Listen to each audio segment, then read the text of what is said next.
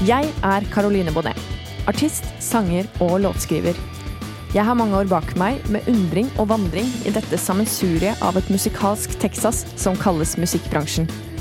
Det er mange historier, mange skjulte fakta, og ikke minst mange spennende folk som gjemmer seg bak denne bransjen fylt av eksentrikere, nevrotikere og alle slags snodige outcasts. Jeg bestemte meg en kveld for at jeg ville forvandle denne nysgjerrigheten til å bli min egen podkast. Jeg kommer til å invitere forskjellige gjester fra bransjen, som forhåpentligvis vil fortelle meg noe nytt som muligens verken du eller jeg visste fra før. Hver episode vil kunne belyse kjente og kanskje ikke fullt så kjente sider av nettopp musikkbransjen. Dette er hashtag bransjen.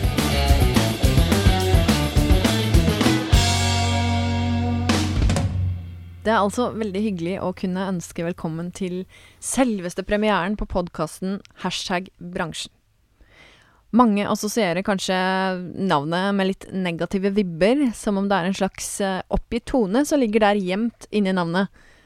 Det må bli opp til dere å bedømme. Jeg må jo innrømme at som artist og utøver i bransjen er det mange ting som til stadighet får meg ganske oppgitt og frustrert, eh, så det ligger vel en smule ironi i tittelen, skal sies, men også til stadighet så er det jo mange ting som minner meg på hvorfor jeg driver med det her. Eh, det skal vi jo kanskje touche litt inn på seinere, men nå har jeg lyst til å presentere min aller første gjest. For det har seg slik at jeg er uh, gift med en ganske så eksentrisk og etablert musikkmann. Uh, jeg har hørt at han har blitt omtalt både som en ringrev i bransjen og en ettertrakta gitarist og produsent. Dagfinn Hjort Håvin. Uh, det kan jo virke noe påfallende, men for å velge meg ut en prøvekanin til å få prøvekjørt konseptet og sikre meg en god pilotepisode til det som skal bli starten på veien videre, valgte jeg like godt å rekruttere internt. Så da vil jeg ønske deg velkommen til ditt eget studio, Dagfinn. Tusen hjertelig takk for det. Det var godt å komme hit. ja, ikke sant? Etter å ha vært der i hele dag. Ja. Mm. Når jeg sier uh, hashtag bransjen, hva tenker du da? Da tenker jeg at Hva skal jeg svare på hva du mener med hashtag bransjen? Så er det vel typisk bransjen, eller der har du bransjen. Uh, som en slags reaksjon på noe du har opplevd, eller uh, noe som har skjedd. Mm. Ja. Som en hendelse. Så sier man ja, sånn har bransjen blitt, eller andre ting. Mm. Så kanskje du da har etablert hashtag bransjen. Ikke sant? Mm. Er det riktig? Du har nok uh, mye rett i det. Ja. ja. I forhold til um, bransjen, da, for å si det sånn, så Som jeg nevnte i introen, så En ringrev er jo en person som har vært i noe lenge, tenker jeg. Ja. Um, så da tenker jeg at det betyr at du egentlig har levd så å si hele ditt liv i bransjen. Har jeg rett da, eller? ja, på en måte. Jeg visste jo veldig tidlig hva jeg skulle bli. Så, men uh, jeg får også litt sånn assosiasjoner til det å begynne å bli gammel og knirkete og litt sånn uh, utdatert, på en måte. Selv om jeg aldri kanskje har vært inn. Men uh, idet noen blir kalt for ringrev, eller noen blir kalt legender, andre blir kalt for diverse, så begynner man også samtidig å dra litt på åra. Jeg veit ikke om jeg gjør det i et perspektiv, eller hvordan man ser på det. Men uh, en ringrev, ja. Nei, det er vel en som har vært med litt, da. Mm. Opplevd et og annet. Mm. Og det regner jeg også med er litt av tanken din med den podkasten her. Å snakke med folk som har eh, litt opplevelser og erfaring. Og jeg har Absolutt. selvfølgelig begge deler, etter å ha holdt på med det her i snart 30 år. Tenk på det. Snart 30 år. Jeg har holdt på med det her i 30 år. Herregud. Tenk Ja. på det. Det er uh, Jeg håper jeg skal holde på i 30 år til, egentlig. det, det skal du jo. Selv om jeg har uh, en rekke hashtag bransjen-opplevelser, så har jeg fortsatt lyst til å holde på med det her. Uansett. Ikke sant? Ja, ja. Det Ja. er et kall, da. Det er et kall. Ja. Det Den som tror på det. Ikke sant? Ja. Men når du sier opplevelser knytta til bransjen, og du har jo helt rett i at det er noe av det jeg har lyst til å få ut av den podkasten her, det er jo de kanskje litt gjemte og glemte historiene og det som på en måte definerte Mm. den jeg snakker med, da. Litt sånn eh, Har du en sånn historie som du kommer på umiddelbart, som du tenker er eh, passende å fortelle i det forumet her? Jeg skulle ønske at jeg var litt forberedt på det spørsmålet, men jeg kan forvisse deg om at det finnes ingen glemte historier i musikkbransjen, men det finnes veldig mange gjemte. Ikke sant? Det skal jeg love deg. Ja. Og det, det tror jeg kanskje er bra også, at mange av de er gjemt. Ja. Men eh, nei, jeg kommer ikke på noe sånt. Det er, det er nesten sånn som å fortelle en vits på oppfordring. Det er, ja. det er ikke så lett, men, eh, men eh, jeg kan jo tenke litt på det underveis. Kan du ikke det? Så kan du gå videre Ja. med manuset ditt. Ikke sant? da, da har jeg sånn standardspørsmål. Um, hvem spiller du med til vanlig? Til vanlig så spiller jeg med Steven Ackles. Primært han som har vært min hovedoppdragsgiver gjennom eh, 20 år, faktisk. Det er Mm. 20 år siden vi sto på en scene sammen, og det var på Bøljan Blå. Ja. Over til uh, Hitchhals, tror jeg det var. Ja. Uh, vært masse med han. Noen perioder med lite, og Mm. andre perioder, majoriteten av perioder, eh, har vært veldig mye. Og det har også dratt med seg andre engasjement, uh, som å spille med Vidar Busk og Pål Flåta og Steven. Mm. De tre sammen har jo herja Norge rundt nå til gangs. Når var det dere starta med det igjen? Er det Elvis-showet var uh, vår alles Geir Hamnes og Best Company, som det het den gangen. Som nå heter Artist og Event. mm. Som er samme huset som vi er på her. Ja. Det er en annen historie, egentlig, som vi kan sikkert komme tilbake til når det gjelder studio. Men uh, Geir hadde en ambisjon om å sette en 10-15 jobber i 2015, og det her ble vel planlagt i 2014. Mm.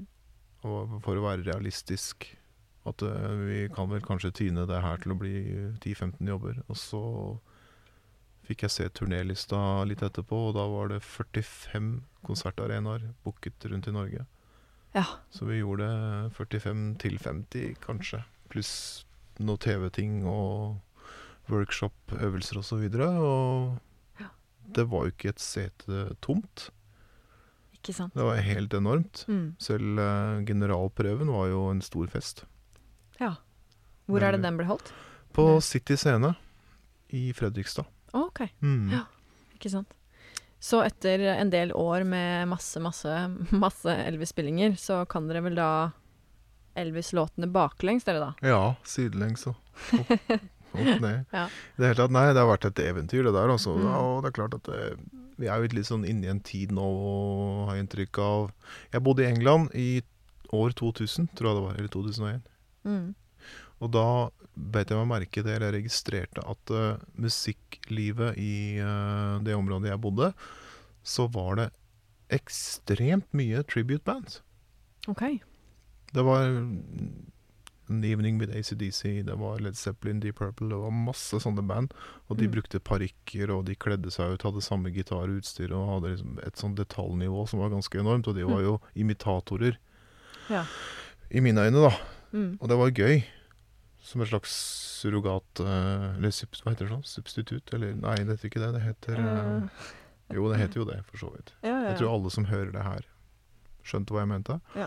Og, men, men det var så mye av det Mm. at jeg tenkte at det har ikke folk fantasi til å kunne lage noe eget, eller ja, Men folk ville ha spillejobber, og folk trengte spillejobber. Og Mm. trikset for å trekke folk var var å ha noe på plakaten som noen kjente til. Selvfølgelig skjønte folk at det ikke var ACDC som skulle spille på den lille puben i, i Bournemouth. Mm. Men uh, de som likte ACDC, kunne jo få en hyggelig kveld da med å høre låter de kjente. Og så var det litt gøy at de som Mm. sto på scenen, ligna på, eller hadde etterligninger. da. Og det, det har jo med Elvis å gjøre. At uh, jeg har ikke hatt noe bismak i munnen av å spille Elvis-konserter som med Elvis som konsept. Fordi det her er ikke en look-alike. Det her er ikke imitatorer. Dette er tolkning. Mm. Ikke sant. Og det er jo en vesentlig forskjell. Stor forskjell, Ja. og det er en avgjørende forskjell. Mm. Ja. For da er det jo Altså, jeg tenker jo mye av forskjellen er jo at artistene sjøl beholder sin egen twist og sin egen identitet, da. Mm. Men at de, som du sier, tolker låter da Mm. til en kjent artist Ja. som Elvis, da. Ikke Ja. sant? Og, det, Mm. og der igjen så har vi jo forstått det, at uh, Elvis er jo egentlig bare en slags uh, heading på det hele. Og så har du Mm. alt det som fulgte med Elvis, eller som følger med Elvis. Ja. Du har uh, rockabilly 50-talls-Elvis, og så har Mm, du mm. filmmusikk-Elvis. Ja. Elvis var skuespiller henne hele 60-tallet. Tenk på det. Det er ikke alle som veit det, men uh, Elvis hadde jo Nå kan ikke jeg alle årstallene på det der, men eh, Elvis hadde jo vel ikke en eneste konsert på hele 60-tallet før i 69, hvor han faktisk gjorde comeback. Ja. Så etter militæret og Ja. dit. Så det det er så Mm. mye Elvis. Det er gospel-Elvis, Mm, mm. du har eh, ja, han er jo en legende ut av dimensjoner. Altså, Ja. det er jo utrolig mange ja, snåle fortellinger om eh, Altså hvordan han på en måte plutselig ga bort dyre biler Mm. til et eh, Var det ikke en sånn historie? Jo. Radiofan eller noe sånt som fikk en veldig dyr bil. Jo, det var en radioinnring... Eller det var et radiokonsept, tror jeg det. Hvor det var eh, noen som skulle ringe inn og fortelle sin gode, beste grunn til hvorfor de skulle få en premie eller en pris Ja, eller vinne en okay. pengesum eller hva Ja. det var for noe. Så det var en slags sånn konkurranse om fattigdom, tror jeg. Mm. Hvem er fattigst her? Mm. Og Elvis hørte en historie med en dame som uh, virkelig fikk hjertet hans til å blø. Mm. Og de hadde ikke bil, de hadde masse barn. Det var en Mm. sånn type historie. Og hvor han da ringte radiostasjonen og sa Får jeg henne på tråden? Ja. Og skjenka henne en uh, Cadillac, eller hva det var. ja, ikke sant. Han kjøpte jo hester til folk, han kjøpte Ja. biler og hus. Nei, han var en veldig sjenerøs mann, og han delte Mm. av seg. Så det, Ja. Men vi holder ikke på sånn, da. Vi, eh, Nei. Det, det er eh, Det er vel sånn eh, folkelige honorarer dere forholder dere til. ja da. I hvert fall dere ja, backingmusikere. Ja da, men vi, vi har det fint. Men uh, jeg tenker på når det kommer til det der med å hylle en artist, så Altså vi som en enhet hyller Elvis, men uh, du kan dele opp det i grupper òg. Jeg for min del er stor fan av James Burton, som er gitaristen til Elvis. Ja. Under Mm. 69 til hans død i 77. Mm. Så jeg har på en måte litt min egen lille hyllest til James Burton ja, innbakt i det showet. Men det er ingen som veit det. Men jeg føler at det kan jeg gjøre sjøl. Ikke sant? Mm. Ja. Det er jo kjempefint da, at man får en sånn personlig Mm.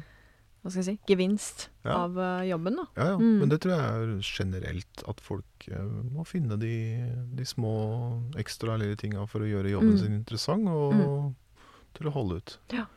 Men Dagfinn, du er jo først og fremst backingmusiker, Ja. sier du sjøl. Ja. Når folk spør hva du driver med, så Mm. er det sånn Ja, nei, jeg er backingmusiker, gitarist. Um, men lager du noe musikk sjøl? Skriver du noe sjøl?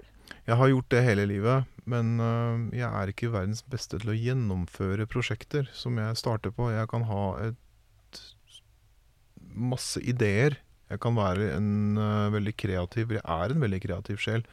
Så Det kan jeg skrive den på. Det kan du skrive ned på. uh, så, så jeg kan ta en gitar hjemme, eller hvor som helst, og så kan jeg plutselig få en eller annen uh, impuls eller en idé eller hva som helst, og tenke at wow, Mm. der kan jeg bruke nå, Nå fikk jeg lyst til å skrive en låt, men det skjer veldig sjelden at jeg sitter og skriver ferdig den låta. Ja. Og den moderne eh, notatblokka eller diktafonen som vi har i lomma til enhver tid nå, den er Mm. begynner å bli ganske full av sånne små skisser. Ikke Den største utfordringen egentlig med de skissene er jo hva skal jeg kalle dem for noe. Mm, ja. Så nå etter at de har begynt å automatisk eh, tilgi filnavn på de der til hvor du er hen, ja, det er ganske morsomt. så står det Mm. liksom Sagene 1, Sagene 2 Og så var det sånn Ja, hvilken var det igjen? Så Ja. Veldig rare låttitler da på de låtene som jeg skriver. Men, men eh, ja, jeg har skrevet en del musikk. Jeg har det. Jeg har skrevet en del Mm. musikk sammen med andre. Og, Men eh, repertoaret mitt er jo ikke godt kjent. Det er det ikke. Nei, men du har jo en del ute, sånn i, i form av at andre artister har Mm. gitt ut musikk som du har enten Mm. vært med å skrive eller skrevet, komponert. Ja, absolutt. Mm. Jeg, eh, jeg var så heldig at jeg fikk skrive ti låter til en av de siste platene til Steven. Ja.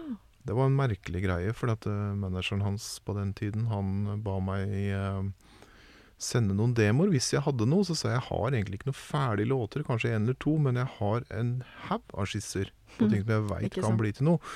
Og så sier han kan du sende det? Så sier jeg jeg har ikke så veldig lyst til å sende de fillete demoene hvor jeg sitter og synger av, eh, etter beste evne. Jeg er ikke vokalist, bare så det er sagt. Jeg kan ikke synge veldig fint.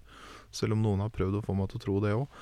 Men, øh, men uansett, så jeg har ikke noen jeg noe hemninger der. Jeg er ikke noe, jeg er ikke noe sjenert, egentlig, annet enn at jeg er litt skremt av det digitale formatet, da, av øh, musikkbransjens øh, variant av uh, hevnporno, holdt jeg på å si. At du kan uh, ja. Jeg sender deg en MP3 av en låt hvor jeg synger forferdelig stygt og har en sur gitar, og så veit du at det er meg, og så, Da har du et våpen. og så ryker jeg uklar med vedkommende, og så sprer uh, vedkommende det ut Mm. for å ta igjen.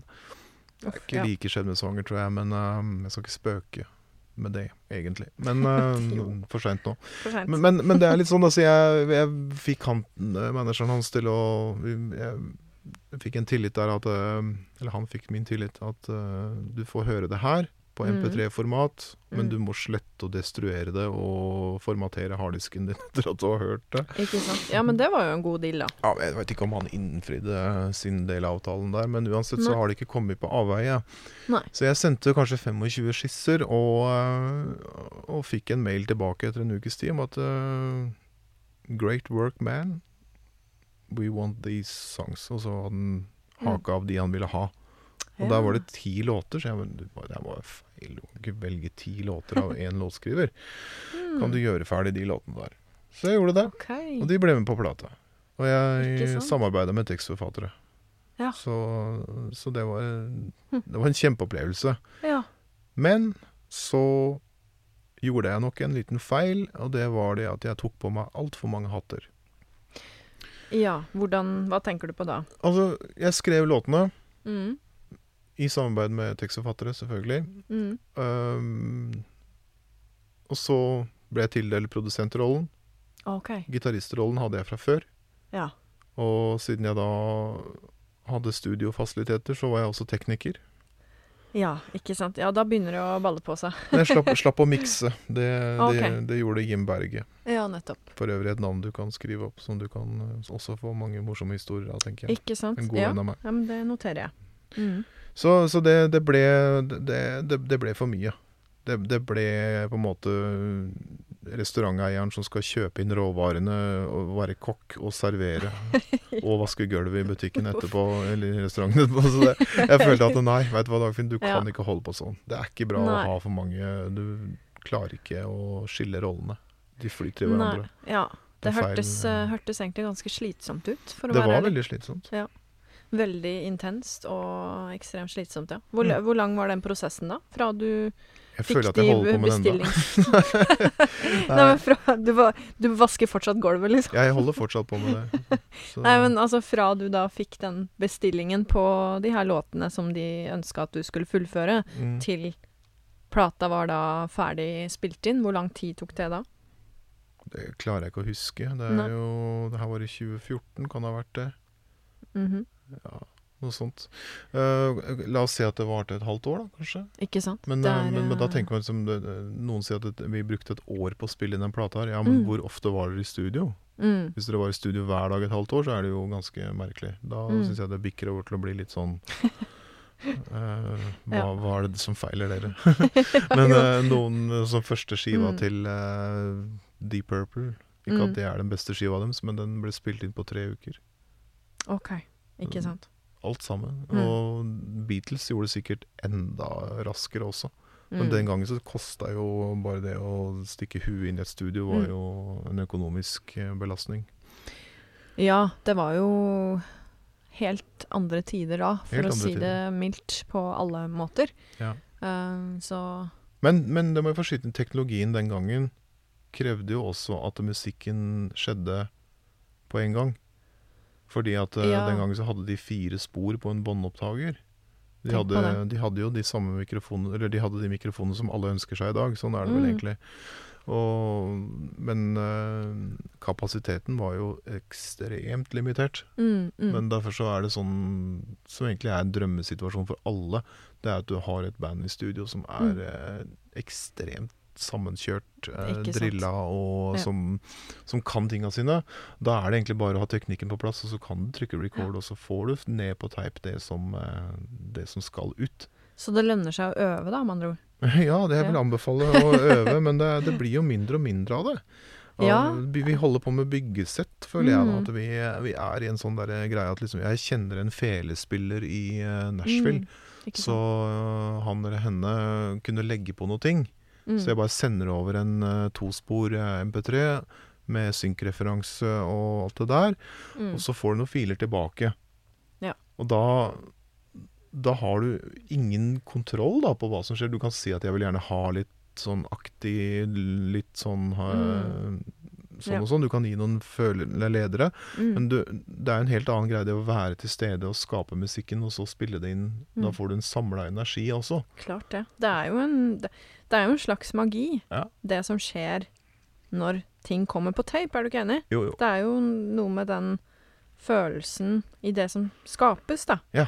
Det må jo være et sånt element av følelse til stede, da. For Absolutt. at det skal bli bra. Absolutt. Det, det blir nesten som Altså, du veit ikke helt akkurat hvordan du ser ut før du får sett et bra fotografi av deg selv, da. Mm. Så hvordan tar du deg ut på bilder, eller må du retusjere det etterpå, eller må du, må du Ja, nei, du, jeg tror du skjønner hva jeg mener. Mm. Og, det, og det, det frustrerer meg litt innimellom, for det er veldig mye sånn påleggsting, da.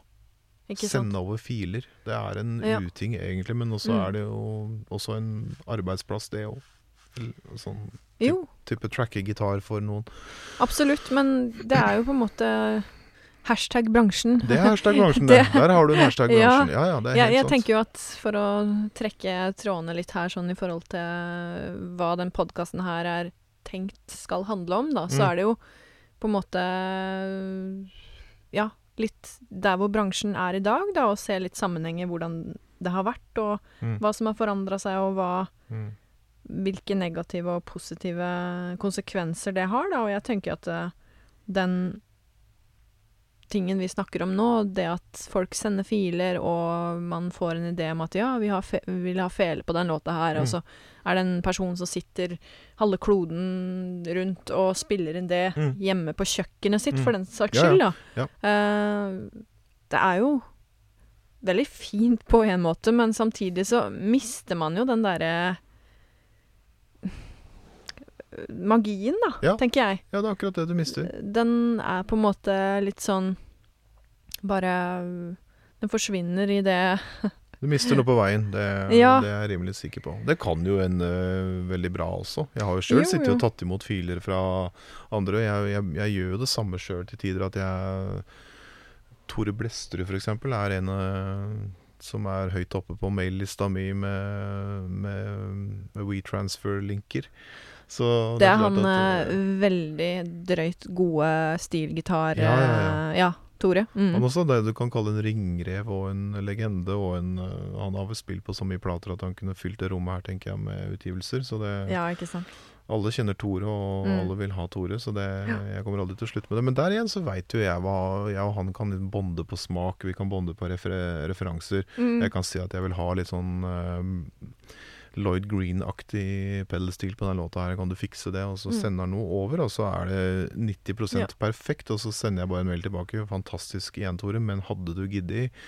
Og så Ja. kommer det en sånn tilleggsfil etterpå, og så er Mm. det i boks. Ikke Så akkurat sant? det funker, men jeg skulle jo selvfølgelig gjerne heller hatt Tore her i studio Mm. hver gang jeg har gjort noe. Og det, kanskje jeg skal bare ta det til, timen da. Altså, Kan du ikke det? da?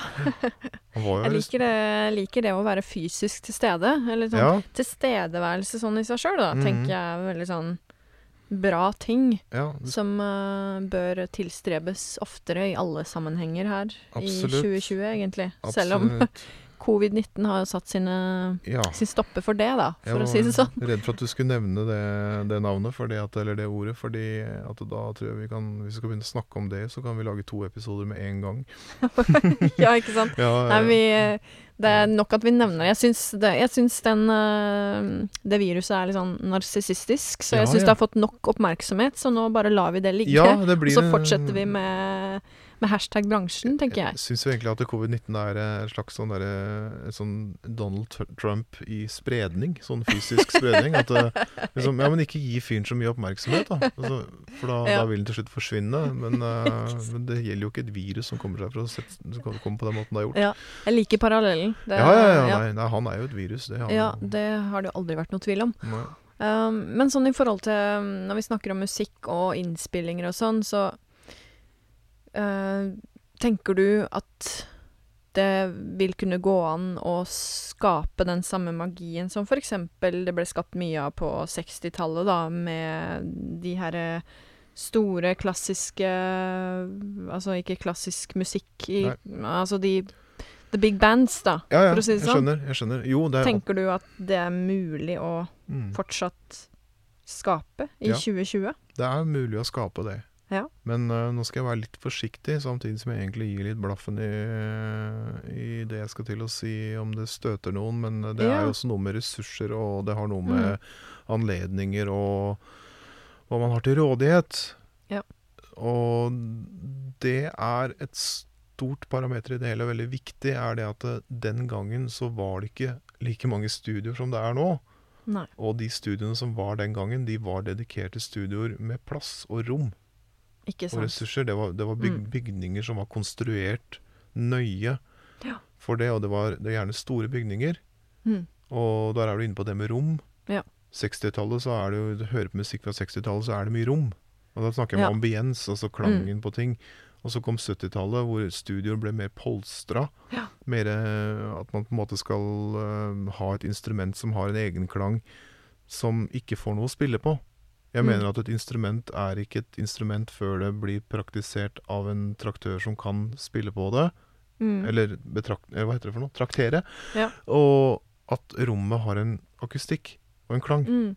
Okay. Da, ja. Der har du en enhet. Mm, Hvis du klarer å fange den, Ja. så har du fått til noe. Men de studioene, mange av de studioene, aller fleste, majoriteten for å si det sånn, av de studioene som er nå, de er nøytrale. mm, Som gjør at du står fritt i etterkant, etter at musikeren har reist hjem til kona eller mannen. mm, Så kan du sitte og lage den lyden du vil ha. Ja. Eller følelsen på det instrumentet. mm, ja. Og da, da så, Ja, men det er fint at det er helt tørt her, for da kan jeg legge på klangen etterpå. Ja. Eller da kan jeg eh, Det er mange sånne Mm. ting.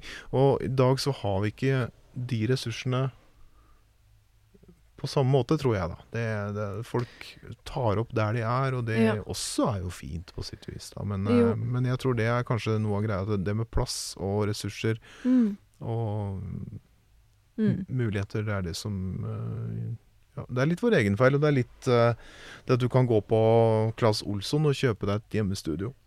Ikke sant. Det, det, Ja. det uroer meg veldig. Ja, det er jo ganske sånn interessant at Altså, bare man har massevis av penger, da, så kan man jo egentlig bare kjøpe det feteste utstyret og Mm. sitte i sitt eget studio og bare Mm. egentlig spille inn musikk. Mm. Bare spille alle mulige instrumenter på en sånn synt. Ja da, ja da. Det, det er sånn, det. ehm, det er sånn Det er hashtag bransjen, det, ja. Så nei, jeg er bekymra på fleres vegne, egentlig. For det, det er ikke bare det med musikkbutikken og den bransjen, da. Den delen av Mm. bransjen. Også de som skal leve av å selge instrumenter, og uh, den kunnskapen som de sitter inne med, som er vesentlig for oss utøvere. Mm, ja. At uh, en, en kunde kan komme inn i en butikk og skal ha noe utstyr, og så Mm. kanskje det er litt for dyrt. Nei, vi går og sjekker et annet sted, og så skal de inn på Claes Olsson og kjøpe øh, skruer eller uh, hva de enn selger. Ja. Og så går de forbi den hylla hvor du ser uh, lydkort og mikrofon, kun bla, bla, bla. Ja. Og så er det så billig at det er sånn oi. Mm. Men jeg sier at gå og spør de på Claes Olsson om de kan gi deg noen tips og råd om, uh, om Mm. multitracking og innspilling og så videre og så videre. Mm, De mm. har jo ikke den kunnskapen. Nei. Dette her fikk jeg også oppleve en gang da jeg jobba i en musikkforretning i form av uh, CD-plater.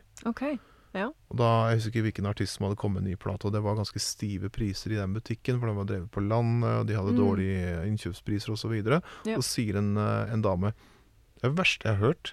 Den koster jo bare 129 på posten. På posten, sier jeg. Har de begynt å selge CD-er? Ja, den står der til den prisen. Ja. Og så ble jeg litt sånn muggen, og så sa jeg til hun dama, med all respekt, sa jeg, men da syns jeg også du skal spørre de om post, på posten om de har noe annen god musikk å anbefale deg. Ja. Hva mener du? Nei, sa jeg. Mm. De har vel greie på post og ikke musikk. Ja. Og det der bekymrer meg i bransjen generelt. Mm. At folk skal selge varer som de ikke har kompetanse eller vitenskap om. Ikke sant. Det Det Det kan er du, jo det et kan du dra veldig langt, og det kan Mm. du også dra ut av, eh, av de som eh, får lov til å slippe til foran mikrofonen. Bak mikrofonen, heter det kanskje. Ja, Som, det er vel eh, helst bak. Som Beklager å si det, altså, men som kanskje ikke har uh, fokuset på musikken og innholdet i musikken. eh, At det er det estetiske eller uh, det visuelle som betyr noe. At eh, man kan Ja. selge da noe som skal eh, kategoriseres som musikk, men som egentlig er en helt annen Mm. vare enn musikken. Ja, for da kommer vi egentlig inn på en sånn ganske interessant del av bransjen, da, hvor Mm. eh, Hvor det å på en måte selge mest og være mest kommersiell Mm. er det som på en måte tilsynelatende betyr noe, da. Ja, nå skal jeg åpne Eh, en Farris, og det låter sånn. Da vet vi det. Eh, for eksempel, da. eh, en person som har vært med i et reality-program. Ja, Og da snakker jeg ikke om et talentshow, men da snakker jeg om for eksempel Farmen, da. Farmen. Eller ja, Mm. you name it. Mm. Uh, Paradise Hotel, eller Det er jo så mange forskjellige Mm. av de um, reality-showa, da. Mm. Eh, hvor det da har endt opp, og det jo, har jo ikke bare skjedd én gang, det skjer jo titt og ofte, at det da den her personen som har blitt kjent gjennom å gjøre forskjellige ting på TV, eller Mm. ja, diverse, velger å spille inn en låt, da. Mm. Fordi det sikkert er gøy, og det For all del, det er jo sikkert gøy, men øhm, det er jo litt sånn varierende resultater ute og går, da. Det vil jeg absolutt si at det er varierende resultater, men eh, resultatene på en måte blir vurdert av de som har gjort dette her for å tjene penger. Så hva er det som Mm. definerer en suksess, da? Det kan du si. Og så øh, Jeg har veldig sansen for Mats Hansen som det han egentlig driver med. Men da han går til mikrofonen og skal synge 'Sommerkroppen', og det blir årets Spellemann, eh, på en måte, så, så Mm. tenker jeg at her er det noen som blir snytt for et eller annet. Det er noen som bare Ja. Hvorfor skal Han sa det jo sjøl, han syntes jo det var pinlig. Ja. Er det så lett å få en nummer Mm. én-hit? Er det så Ja. lett å liksom bli den som regjerer uh, antall plays på Spotify og andre Ja. Jeg, de der? jeg kjenner ikke til han sånn uh, For han var reality-kjendis før han ga ut en låt, eller? Hvordan var det? Ja, nå holdt på å si Jeg skulle ønske at du visste hvem han var, så jeg slapp å forklare det, for jeg er litt usikker sjøl. Okay. men, men altså, Ja. det er et ansikt som jeg har sett i media så mye, men Nettopp. han har det en sånn spo, eh, sports eh, Ja, skal vi finne ut hva han driver med, og så Ja, vi kan Og- google det. Ja, og så får vi redigere den biten, for nå Ja. Mm. gikk jeg rett i bare. Sportsklubben? Er det, nei, ikke sportsklubben, det heter et eller annet. Er det tidligere fotballspiller? Ja, det er tidligere fotballspiller, ja. Er det han? Det er han. Ja. Han har okay. sitt eget program. Ja vel. Ja. OK. Fin type, altså. Veldig dyktig og det hele tatt, men, eh, men jeg kommer ikke til å kjøpe plata hans. Det, det kommer jeg ikke til å gjøre. Men du Dagfinn, når Mm. vi snakker om hashtag bransjen, Mm. så vil jeg vite litt sånn mer om din rolle i den her eh, berykta bransjen, da. Uh, kan du si noe om når er det folk velger deg, eksempel? Det du har å komme med, liksom. En um, veldig god venn av meg, Henrik Mårud, som er uh, som de flere, Han trenger ikke noe introduksjon, egentlig. En trommeslager. Han sa det en Mm. gang. Du Dagfinn, nå har vi ringt alle vi kjenner. Men det er ingen som kan. Har du mulighet? Det er hyggelig. Takk for den, sagt, liksom. da, selvfølgelig. Humorist- Humoristisk. Nei, vet du hva. Vi er så mange i bransjen. Og vi er veldig mange som driver med akkurat det samme. For gitarister, de vokser jo på en måte litt på trær. Gitarister vokser på trær, ja. Det er akkurat det er de som vokser på trær. Ja, Det er ja. eh, helt riktig. Vi er veldig mange. Vi er Mm. veldig, veldig mange. Og etter å ha jobba en del i musikkbutikk òg, så er jeg smertelig klar over at det kommer flere òg. Det er fint. Det er fint, det. Men, Mm. eh, men, men vi det, det der tror jeg har litt det samme med andre yrkesgrupper. At hvis du har hatt en rørlegger på besøk som var veldig flink og overkommelig på pris, eller om han var dyktig og innfridde arbeidet, så, så ringer du selvfølgelig til han neste gang også. Du ser ikke Ja. noe poeng i å leite etter en ny rørlegger neste gang du trenger det. Da kan du gjerne ta han som du var så fornøyd med sist. Ja. Det tror jeg også foregår veldig mye i den bransjen her. Og det Ikke er snakk om å få et innpass et sted, Mm. eller det blir sett, det blir hørt, hva som helst. At, eh, eller at noen har spilt en plate som jeg har spilt på, som, som sier Mm. 'Hvem er det som spiller gitar der?' Det, var, eh, det er litt sånn vi er ute etter på den nye låta vi jobber med akkurat nå. Ikke sant. Ja, ok, så får du Ja. nummeret hans, og så, så Mm. ringer det noen og sier 'Du, jeg hørte Jeg fikk nummeret ditt bla. Mm. Og da, sånn, sånn ruller det og går. Ja. Der tror jeg du kan dra på frisører også. 'Jøss, så kul du er på håret'. Jeg klipper meg Mm. ned på der på hjørnet. Så, Ikke ja, dit skal jeg gå. Så det går liksom på rykte, da. ja, Litt ja, sånn absolutt. hva man på en måte får høre om Mm. Ja, Du den og den musikeren. ja, ja, du finner ikke meg i gule sider som gitarist. Oppført som gitarist. Det tror jeg ikke du gjør. Å nei, fins sånn- gule sider? Jeg vet ikke. Ja, det fins jo det. Du Ikke den store boka, liksom? Ja, det tviler jeg på. Nei. Papirutgaven er vel eh, passé. men øh, men øh, det er ikke sånn Vi trenger en gitarist, og så slår man opp i et oppslagsverk for å søke på gitarister. Man, øh, man kjenner alltid en gitarist. Ja. Og heldigvis er det mange som kjenner meg, og jeg får Mm. en del jobb uh, Mm. med, å, med mine tjenester. Ja. Jeg gjør det på min måte, og det tror jeg er øh, kanskje Mm. det aller viktigste. Å ha sin greie. Ja, for det er jo Det er kanskje det som på en måte definerer en uh, musiker, da, er Altså den individualiteten, da. Mm. Det at alle er unike. Så Absolutt. ja, OK, gitarister vokser jo for så vidt på trær, men Ja. alle er jo forskjellige. Alle, Alle er spiller jo forskjellig. Ja. Og den rørleggeren gjorde sikkert en bra jobb, Mm. men hadde du bestilt en ny rørlegger til å gjøre eksakt samme jobben neste gang, Ja. så hadde du sannsynligvis fått en helt lik jobb. Men Ja. hvis du hadde bestilt en annen gitarist, Mm. så hadde du jo ikke fått en helt lik jobb, for det er jo en helt annen greie. Nei, ikke sant. Nei, det er sånn, jeg tror ikke rørlegger Hansen eh, er kjent for at han har en egen måte å åpne avløp på. Jeg tror ikke det er eh, Jeg tror ikke det er sånn de eh, rekrutterer i den bransjen. Men eh, jeg har- kan gi deg et godt eksempel, egentlig. For jeg snakka med en god venn av meg i går som heter Geir Bratland. Han har vel et uh, alter ego eller et annet navn i Dimmeborger, men Ja, Geir er hyggelig. Geir er fantastisk, og um, det, han, det er ikke alle som vet at han også kan spille sarte, flotte pianostykker uh, mens han akkompagnerer også Kleveland eller andre, Mm. andre folk. Og de fleste ikke vet, vet Det er ikke mange som, eller mange som vet, men det er ikke alle som vet at Geir faktisk er rockestjerne. Ikke Han er en av de få rockestjernene vi har som virkelig spiller stadium. Ja, Stadium, tenk på det. så, Mm. Men jeg snakka med han på telefonen i går, Ja. og han holder på med en produksjon akkurat nå hvor Mm. han, øh, hvor han øh, driver med en metallåt. Mm. Og så sier han at uh, jeg, må, jeg, må, jeg må finne en gitarist.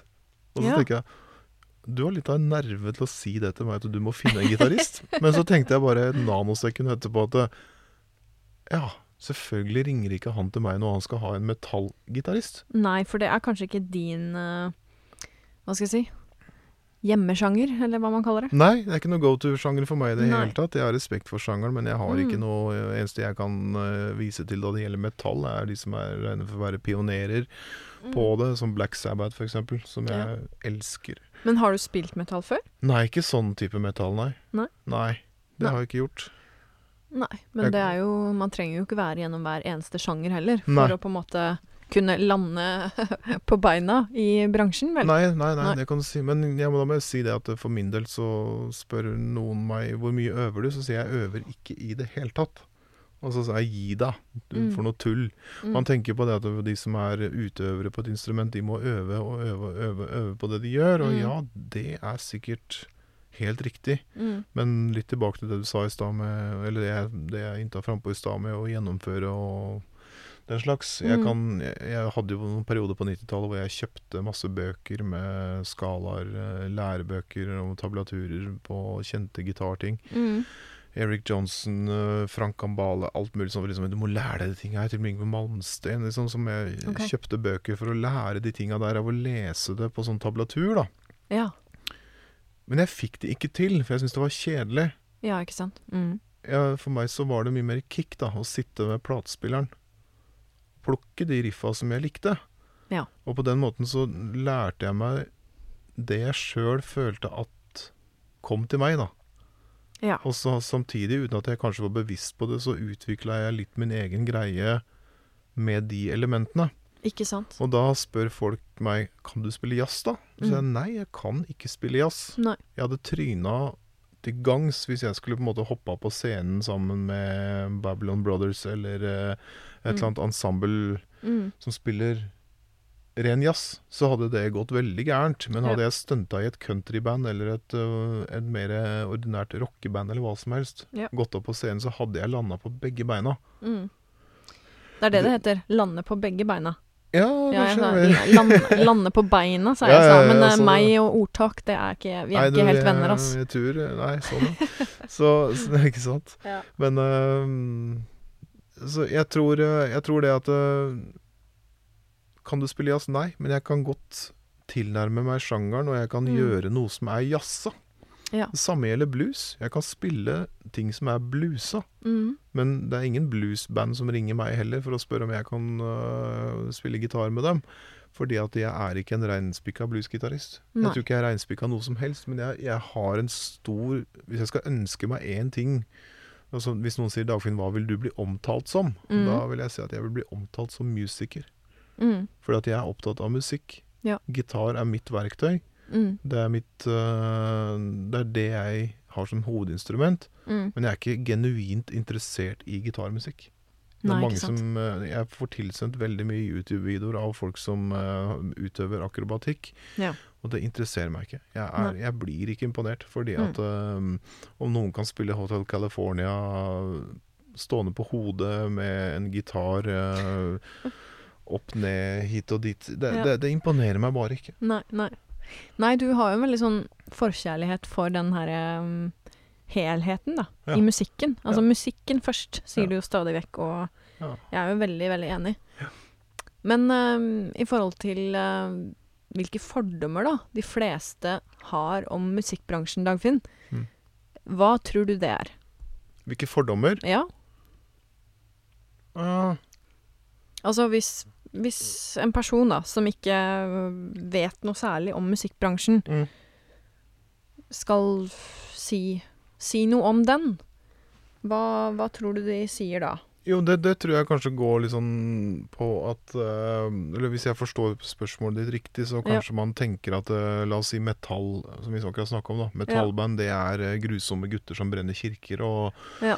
og som gjør den, de tingene der, så du må holde deg langt unna de. Men det stemmer jo ikke. Det er Nei. jo dessverre sånn som et verdensbilde generelt, at det er noen som ødelegger for en gruppe.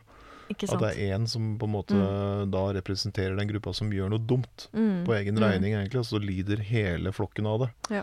Det, det tror jeg er kanskje skjebnen der, da. Mm. Um, på en annen side så Jeg kjenner masse metallfolk, og de er jo så snille og hyggelige og koselige, og de er glad i mammaene sine, og det er. Liksom Mm, Men det er image, da. Det går litt på at man Mm. skal være litt sånn uh, der. Men da er det nesten litt sånn å være skuespiller, eller uh, man har en rolle i en film eller et teaterstykke eller hva som helst. Og dette her er en greie vi gjør, og når, da vi er i den drakta der og gjør det der, så er vi sånn. Ja.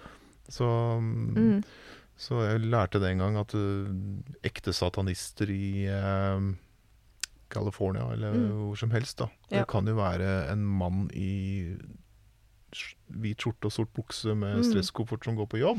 ikke sant? Eh, Ja, ja. Sånne ting. Eller om klassisk musikk, da. Klassisk Mm. musikkutøvere, de, de får gjennomgå en del med at det er et slags snobberi.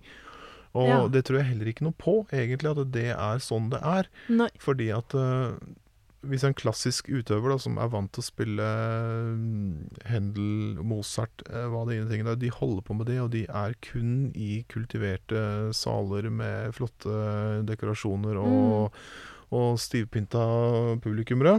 Ja. At de holder på med det. Mm, Det er det de gjør. Ja. Men de blir omtalt som sporty hvis de stiller opp og spiller, eh, spiller stryk med Dimmeborger, da, f.eks. mm, Så er det sånn wow, her er vi to verdener som møtes. Det der Mm. så vi første gang, eller jeg var ikke født ennå, men uh, Sigurd Bernhaft Osa, mhm. norsk fele folkemusiker, okay. Ja. han, uh, han gjorde et samarbeid med en norsk gruppe som heter Saft. Ja, og de var metalere? eller? Nei, nei. De, Nei? nei. Det, var, det, var, det her var på 70-tallet. okay. Saft Saft var et norsk prog-rockband. ok, ok. Ja. Og, og de eh, Nå husker jeg ikke hva den låta heter, men eh, de gjorde et par låter hvor Sigurd Wærnes var en høyt respektert folkemusiker. Ja.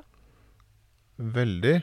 Og han stilte opp med det her eh, rockebandet med, langt hår og slitte dongeribukser og slengbukser og i det hele tatt, Ja. fra hippiekulturen. Ja. Syns det var kjempespennende. Mm. To verdener som møtes på den måten der. Ja, ja, ja. Saft var nominert til Spellemannsprisen, men en høvding i norsk musikkbransje klarte å få det um, opphørt grunn av det samarbeidet. Det var Oi. altså så outrageous at han kunne liksom senke seg sjøl på det nivået til å gå ned til å spille med de gutta der.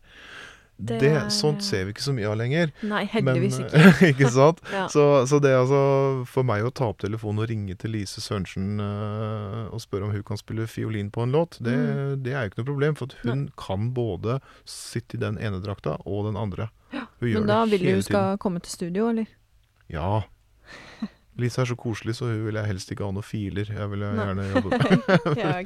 Du kjenner jo Mm. Lise. Hun er jo, Ja. hun er jo virkelig hun har vært på mange plater. Og Mm. Sivert Høie, Minor Majority, uh, you name it, Mm. Pål Flåta. Det er masse. Ja, ja. Og hun er jo selvfølgelig klassisk skolert i bånn, og hele gjengen hennes er det.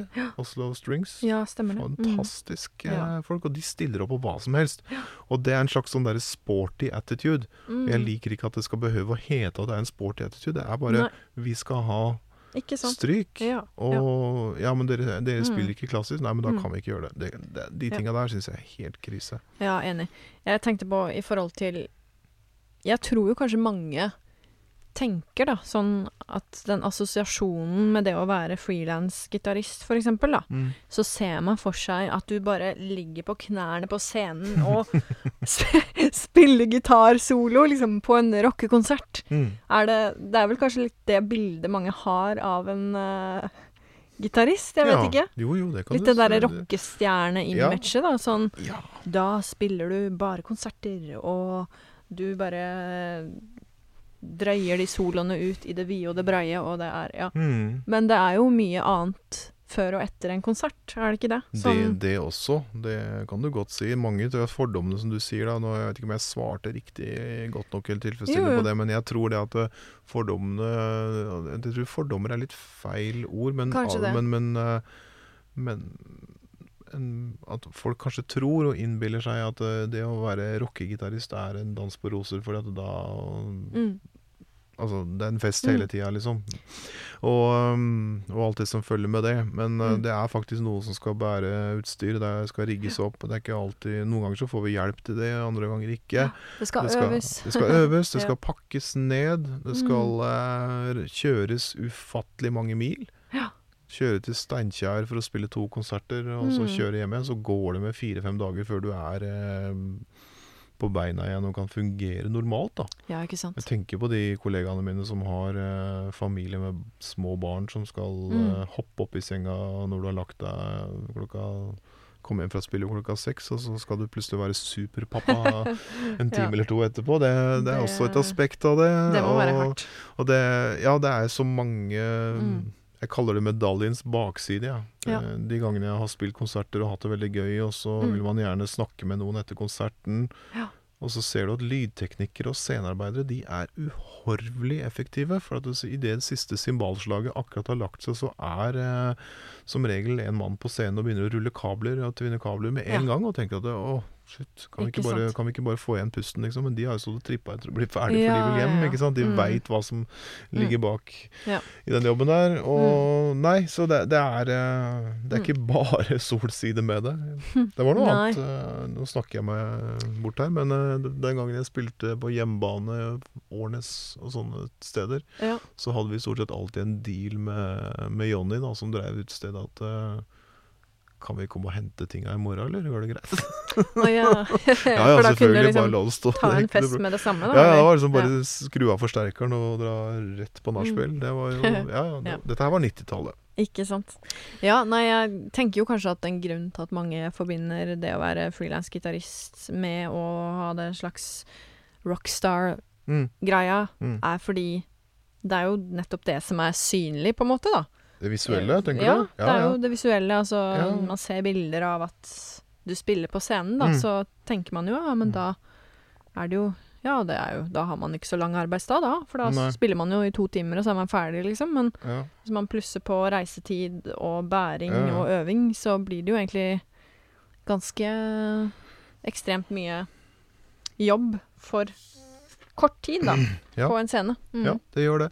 Eh, det. Det du tegner et bilde her nå med rockegitarister som uh, på en måte har vind i håret og rocker og går ned på kne og er uh, Sånn sett så er jo det kan det være mange varianter av det, men uh, la oss si at en gitarist er en slags høyre hånd, eller en sparringspartner, eller en sidekick. Mm, For, mm. å, sup- for å supplere en artist, så er det også veldig sånn visuelt kult, da. Å se f.eks. det en saksofonist, da, men Clarence Clemens som spiller med Bruce Springsteen, så Ja. hvordan de hadde et samspill. Mm, Bruce Springsteen er stjerna, men ok, kom hit, og så skal du, nå skal jeg dytte deg litt fram. Og de tinga der syns jeg er kult. Ja, Men du har mange posere i bransjen også. Så Mm. det, det syns jeg er helt innafor å være poser hvis du har, eh, hvis du har kunnskap eller eh, ferdigheter i bånn. Men de Mm. som er posere for å kompensere for noe som eventuelt måtte mangle, Mm. det er veldig lett gjennomskuelig for meg. Ja, Og det er veldig lett gjennomskuelig for de som kan musikk, eller hva de hører på. Mens mange som kanskje da ikke har det store innblikket i det tekniske, eller, eh, eller Mm. hvordan Ja. De kan jo tenke at 'å, fy søren, han var flink', ass. Mm, altså, mm, ja, men til hva da? Mm. Ja, han, han lagde jo det showet. Liksom, Mm. Du kan bli mye bedre gitarist av å se bra ut på scenen. mm, Og det, det for meg tryner litt. Jeg, jeg har aldri vært en sånn naturlig poser. Jeg eh, Mm. har vært Fikk høre det veldig tidlig at Eric Clapton brukte lang tid i starten av sin karriere på å tørre å snu ryggen til forsterkeren sin og ikke til publikum. Han, sto, Ja. han snudde seg med ryggen til når han skulle spille gitarsolo. OK. Veldig Gjorde han det? Ja, han Mm. gjorde faktisk Jeg har ikke sett det sjøl, men det har, blitt, det har vært en sånn snakkis i mange år. At det liksom du kom deg fram, du er, du er en stjerne, liksom. Ja, ja. Så. Men det, Clapton også er jo sånn primeksempel på det. at Der ser du en mann som, i hvert fall de seinere åra, ser ut som eh, en uh, På 90-tallet så syns jeg han så ut som en mannekeng for Armani, men eh, på 70-tallet, 60-tallet så så han ut som en skikkelig tøff rocker, Mm. men veldig introvert. ja. Ikke sant? Mm. Og så har du Pete Townsend i The Who som, eh, som går og ser etter uh, hvilket kamera som har rødt lys, så han kan Mm. uh, gjøre en eller annen uh, pose foran det Mm. kameraet. Ikke sant? Men der har du aktører som virkelig veit hva de driver med, da. Ja, Og da er det lov, syns jeg. ja. ja. Det er jeg enig i.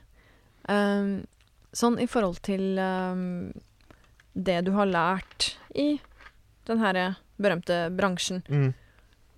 Hvis du skulle sagt noen kloke ord til eh, 20 år gamle Dagfinn, som eh, skulle ut i eh, denne stygge, store musikkbransjen og gjøre det bra, eller gitt, gitt et godt råd da, til eh, 20 år gamle versjonen av deg sjøl, hva ville du sagt? Og jeg som kjemper imot den frykten for å kjenne på det at jeg begynner å bli eldre, så skal du ha ja, kaste mer bensin på bålet. Jeg syns det der er vanskelig å, å gi noen noen råd, for det Mm. rådgivning Jeg har fått masse råd sjøl, jeg har jo det. Mm. Og har jo tatt noen av de til meg, men det er ikke alle jeg har fulgt. Men jeg Nei. har registrert dem, notert dem og tatt dem Men jeg har nok gått imot eh, det jeg har blitt råda til, eller fraråda til, uh, mang en gang. Ja. Og kommer sikkert til å gjøre det igjen. For det handler jo litt om å prøve og feile sjøl òg. Man må Mm. jo på en måte være gjennom en del ting Ja. for å kunne Det er det. få, få den reality-checken, da. Mm. Ja. Det var en som sa til meg en gang Spis alt av det du kommer over av musikalske utfordringer. Mm. Det syns jeg er en veldig fin ting som jeg har tatt med meg. Det er Mm. kanskje 25 år siden jeg hørte han sa 'spis alt'. Ja. Bare gjør det. Men aldri bli et sted hvor du føler det er feil å være. Nei. Fordi at man har en integritet, er viktig å, å kjenne etter hvor den sitter hen. Hva er det du har lyst til å drive med? Ja. Um, jeg var på en sånn intervjurunde en gang eh, på ungdomsskolen hvor vi skulle intervjue noen som som vi syntes var spennende mennesker. Mhm. Det var en skoleoppgave, og da gikk jo jeg selvfølgelig rett i musikkbutikken og og intervjua Pet Petter. Selvfølgelig gjorde du det. Og så Petter som drev platesjappa i, i Vormsund, og Mm. så spurte jeg han Er du selv glad i musikk. Og så sier han ja. Selvfølgelig. Ja, hva, hva legger du i det? Nei, ellers så kunne jeg jo solgt vaskepulver. Så sa jeg ja, ikke sant. Det, det var et veldig, veldig godt svar. Og det skjønte jeg det, fordi at eh, når man da holder på med musikk, så er det én ting. Du er jo heldig, Dagfinn, Mm. som får reise rundt og gjøre det du liker best. Mm. Ja, jeg er kjempeheldig. Jeg er privilegert. Jeg er Mm. superheldig. Men jeg tror veldig mange aktører, artister, gitarister, eh, musikere kanskje må gjøre en del jobber som ikke nødvendigvis er noe man kan ta eierskap til, da. Sjøl. Ja. Enhver, enhver artist har jo lyst til å spille bare egen musikk, f.eks. Jo, jo. Eh, Men kanskje de er nødt Føler meg til truffet å der. Ja, ja, ja. Men også, jeg tror de fleste har vært gjennom uh, Proud Mary og det som hører med av, eh, av slagere som man må igjennom for å få seg et publikum. Det var et Ja. band i London, jeg husker ikke hvem det var, jeg lurer på om det var Zombies Mhm. på 60-tallet som, eh, som hadde en eh, gig på et engasjement. Da de spilte fem dager i uka på en klubb, et eller annet sånt noe Mm. hyppig uh, gjennomtrekk av mennesker og litt sånt. Ja. Men de begynte å få en fanskare, Mm. og de spilte bare cover. Ja. Men de ble enige om det at du veit hva, gutta. For hver kveld nå, eller for hver uke, så bytter vi ut en av de coverlåtene med en av våre egne. Hm. Og til slutt så sto de bare og spilte egne låter, og folk var like begeistra. Ja. Det syns jeg var en veldig morsom, fin taktikk, og hvordan man kan Mm. innarbeide seg inn, da. Ja, Så, ja. så det sier, spis alt. Altså, hvis, det er, hvis du får oppgave å spille noe som du nødvendigvis ikke har i platehylla, ja. ta det som en utfordring. Kanskje du lærer sant? noe, kanskje du blir inspirert av det. Mm. Så det, det er kanskje det du ville sagt til 20 år gamle Ja, jeg tror det. Vær Ja. åpen. Vær åpen Mm. for alt, men ikke begynn å spille i et band med en sjanger som du hater. Bare fordi du skal tjene til livets opphold. Nei, Da er det bedre å selge vaskepulver. ikke sant? Ja. Det var eh, godt sagt, og jeg tror rett og slett det Det er med å runde av den her eh, pilotepisoden på hashtag bransjen. Tusen hjertelig takk for at du eh, tok deg tid til å bli med på det her. Det var som å sitte på en karusell og så bare bråstopp, og så er det ingen som står og roper 'vil ni åka mer'? For det var jo kjempehyggelig, og så bare plutselig så er det stopp. Men ok, greit. Da håper jeg at eh, neste gjest kan ta over stafettpinnen og fortelle litt mer juice. For det- Ja. jeg har så forbanna mye respekt for uh, mange at jeg tør ikke å avsløre noe som helst. Vi Nei. vil ha litt dirt. Ja, det er jo litt det jeg er ute etter. Så du kan få tak i en eller annen slarvebøtte til neste episode. Så Det, det har jeg virkelig lyst til. Det må jeg få til. OK. Nei, men tusen takk for at du hørte på hashtag bransjen. Lev vel så lenge.